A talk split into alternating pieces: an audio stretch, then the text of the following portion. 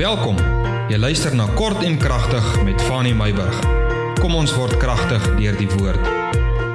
Ek groet jou vanoggend eintlik mos nou as deel van nog die lang naweek. Ek vertrou jy het 'n goeie naweek tot dusver en eh, dat die Here se woord jou gaan seën vir hierdie week wat ook voorlê. Ek wil met jou gesels oor pad na God se seën.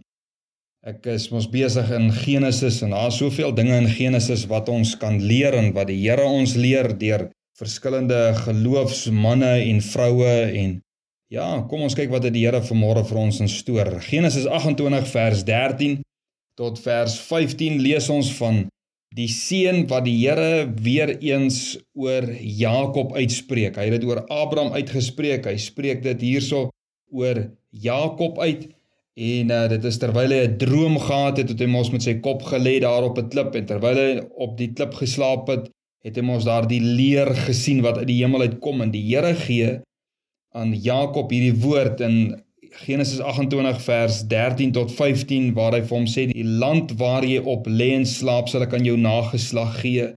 Jou nageslag sal dit wees en eh, jou nageslag sal wees soos die stof van die aarde. Jy onthou wat hy gesê het vir vir Abraham, nê? En uh, hy sê ek is met jou in vers 15. Ek sal jou bewaar oral waar jy heen gaan. Ek sal jou terugbring in hierdie land want ek sal jou nie verlaat nie totdat ek gedoen het wat ek jou gesê het. Is dit nie wonderlik om sulke tipe woord van die Here te kry nie? En hy gee vir Jakob hierdie wonderlikste beloftes van seën. En nou Jakob, ek glo hy was so opgewonde.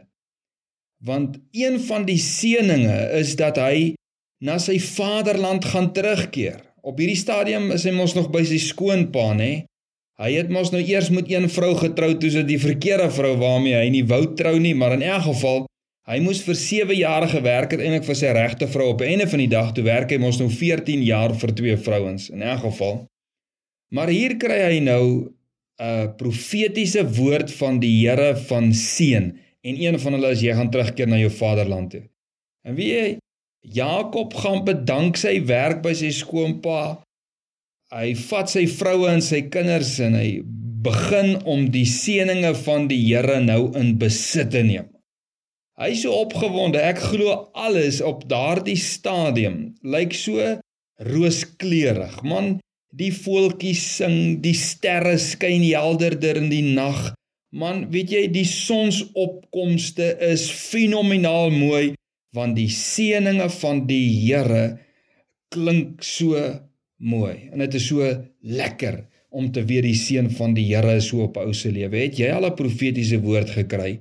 En nadat jy die woord gekry het, voel dit vir jou man, weet jy alles is beter. Alles lyk beter, alles voel beter. Dit voel so vir jou jy het ewe skielik 'n toekomsvisie, jy het 'n droom, jy het iets waarna toe jy werk. Dit is so fantasties. Maar weet jy wat? Die seëninge van die Here, nê? Nee, hier vir Jakob lê ander kant onafgehandelde sake. Dis wat ek nou vir jou wil sê. Die pad na God se seën. Daar is 'n pad wat Jakob gaan moet stap om by die seën van die Here uit te kom. Wie wat is die pad wat Jakob moet stap? Hy moet by sy broer verbykom wat hy verneek het. Genesis 32 vers 9. Kom ons lees dit net gou-gou. Genesis 32 vers 9 tot 12 net vinnig. Jakob het gesê: O God van my vader Abraham, God van my vader Isak, o Here wat my beveel het. Kyk, hier sê hy nou die seën wat die Here vir hom nou uitgespreek het. Gaan terug na jou land, na jou familie. Ek sal jou goed doen. Ek is te gering sê Jakob vir al die gunste en al die trou wat u aan u knegg bewys het. Hy sê Here, u was vir my so goed. Hy sê ek is ek is te gering vir dit, want ek het my met my staf oor hierdie Jordaan getrek en nou twee laars geword. So het hy uh vermeerder nê, nie net sy eie geslag, sy eie gesin nie, nê, maar ook sy slawe en sy diere, almal het vermeerder. Maar hoor wat sê hy nou hierso in vers 11 en hierdie is die pad tot God se seën. Dit lê ander kant hierdie situasie. Red my tog uit die hand van my broer, uit die hand van Esau, want ek is bang vir hom dat hy sal kom en my doodslaan, die moeder saam met die kinders. Hy sê Here, ek is bang vir dat ons almal se lewens gaan neem vir die nonsies wat ek aangejaag het teenoor hom. U het tog self gesê, Here, kyk hoe maar hy herinner die Here aan sy beloftes. Hy sê u het self gesê, ek sal sekerlik aan jou goed doen. Jou nageslag op geslag maak soos die sand van die see wat vanweë die menigte nie getel kan word nie. En kyk omdat hy het die nag het hy nou toe daar oorgebly. Die seun van die Here lê aanderkant die ontmoeting met sy broer. Jakob moet by sy broer verbykom. 'n Onafgehandelde saak. Die een wie hy te nagekom het, moet hy by verbykom voordat hy by die seun van die Here gaan uitkom. Hy moet vergifnis gaan vra. Dis die pad na God se seun. Hy moet vergifnis by sy broer gaan kry. Sy broer, onthou nou, sy broer het laaste toe hulle nog mekaar gesien het, het sy broer vir hom gesê: "Ek gaan jou doodmaak. Wees verseker, ek gaan jou doodmaak." Met daardie vrees, met daardie vrees, stap hy daar weg. Hy het die seën van die Here oor sy lewe. Jakob het alles. Kyk net die seën van die Here wat God oor hom uitgespreek het in Genesis 28 vers 13 tot 15 en wat hy weer herhaal hier in Genesis 32. Hy het dit. Hy weet hy gaan dit kry. Maar weet jy, daar lê iets tussen hom en die seun van die Here en hierdie is vir hom 'n bitterpil om te sluk. Want sy broer het vir hom gesê, as ek jou in die hande kry, gaan ek jou doodmaak. Nou kom ek sê vir jou, ek het hierdie woorde al baie uit my broer se mond gehoor toe ons aan huis was. ek het hom baie geïrriteer. Hy het hoeveel keer vir my gesê ek gaan jou doodmaak. Maar dit was gelukkig maklik. Hierdie saak, hierdie saak is nie 'n maklike saak nie. So met opgewondenheid, Jakob se opgewondenheid en 'n byna maagseer van stres vertrek hy van sy skoonpa.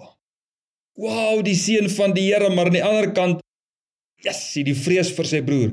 Dadelik, nê, nee, begin hy planne beraam om vergifnis van sy broer te koop en hy begin bid oor hierdie saak. En so het Jakob toe mos nou bely en sy broer het hom vrygespreek. Ek het nou 'n groot gedeelte net gespring want ek wil kom by die pad. Die pad na God se seën. Is jy opgewonde oor al die seëninge wat al oor jou lewe geprofeteer en uitgespreek is?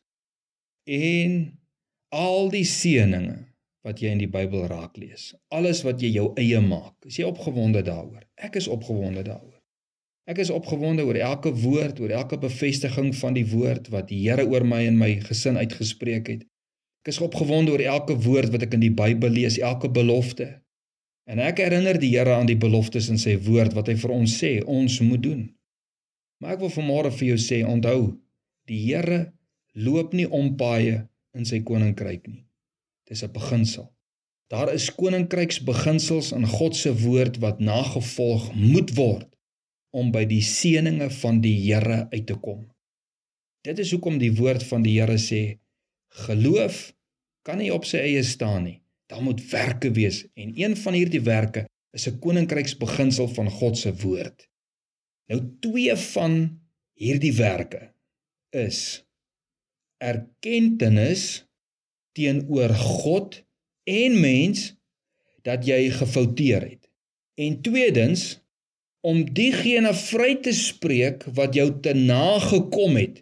Met ander woorde, jy moet kan vergewe. Dit is die begrip. Ek praat nou hierso namens Jakob en Esau, né?